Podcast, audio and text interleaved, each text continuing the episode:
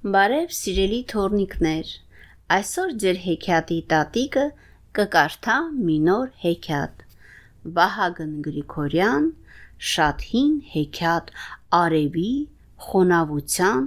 եւ հնարամիտ ու իմաստուն անտառի մասին։ Բաղուց, շատ բաղուց, ավելի բաղուց, քան անցյալ տարի, նույնիսկ ավելի բաղուց, քան նախանցյալ տարի։ Մի խոսքով, այնքան վաղուց, որ լավ չեմ հիշում, թե այդ երբ էր խոնավությունը ստիպված եղավ պահմտոցի խաղալ։ Ասում եմ ստիպված եղավ, որովհետև նա այդ խաղը չէր սիրում։ Ոչ միայն չէր սիրում,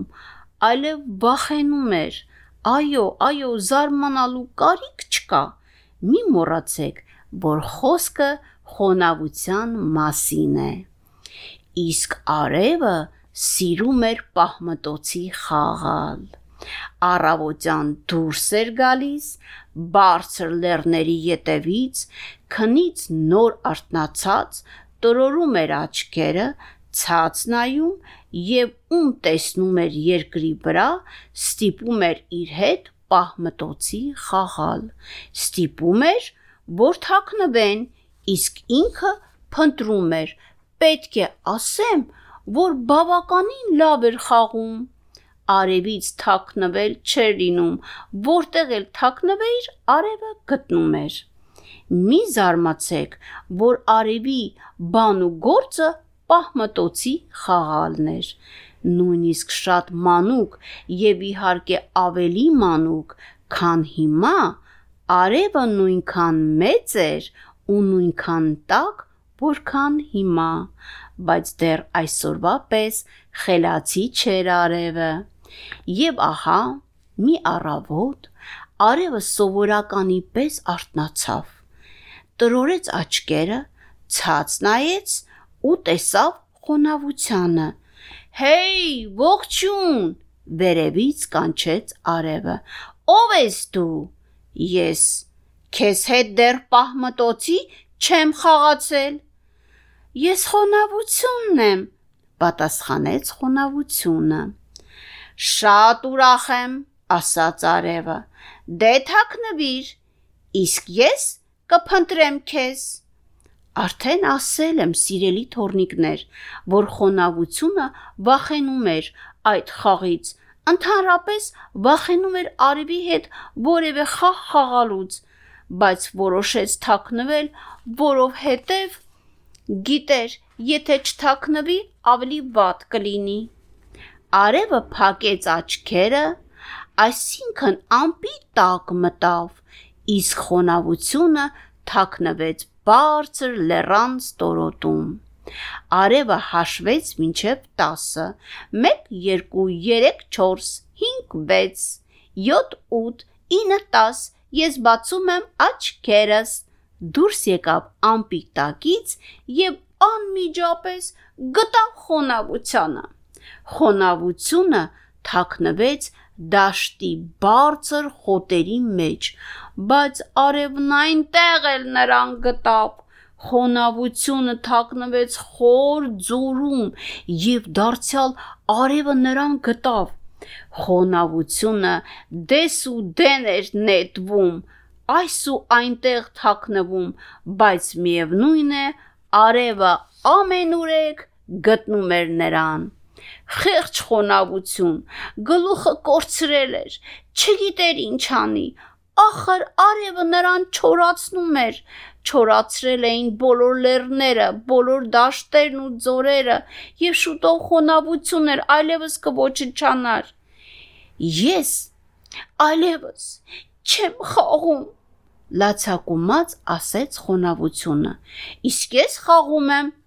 ասաց արևը։ Թաքնվիր։ Արևը փակեց աչքերը, հաշվեց մինչև 10-ը, 1 2 3 4 5 6 7 8 9 10 ես բացում եմ աչքերս իսկ երբ աչքերը բացեց արևը խոնավությունը չկար Արևը նրան փնտրեց լեռան ստորոտում, դաշտերի խոտերի մեջ, ձորի հատակում, բայց խոնավությունը չկար ու չկար։ Այ քեզ բան, զարմացավ արևը։ Որտեղ է թաքնվել։ Գուցե դուք արդեն գիտեք, գլխի եք ընկնում, սիրելի իմ թորնիկներ, որտեղ է թաքնվել խոնավությունը։ Եթե կարծում եք, որ անտառում, չեք սխալվում։ Այո, խոնավությունը թաքնվել էր անտառում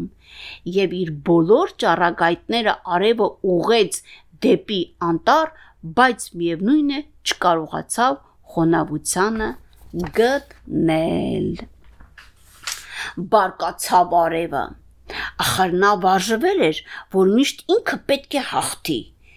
չարչարվեց մինչև երեկո, բայց վերջի վերջո այդպես էլ պարտված գնաց քնելու։ Չէր գնա, բայց ցերեկ մայրիկը տուն կանչեց, իհարկե արևը ցերեկ մայրիկին էլ չէր լսի, բայց գիշեր հայրիկից էր վախենում։ Ինչպես արդեն ասել եմ, դա վաղուց էր,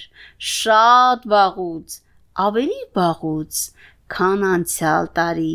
նույնիսկ ավելի վաղուց, քան նախանցյալ տարի, մի խոսքով այնքան վաղուց, որ հիմա լավ չեմ հիշում, թե այդ երբ էր, բայց համոզված կարող եմ ասել,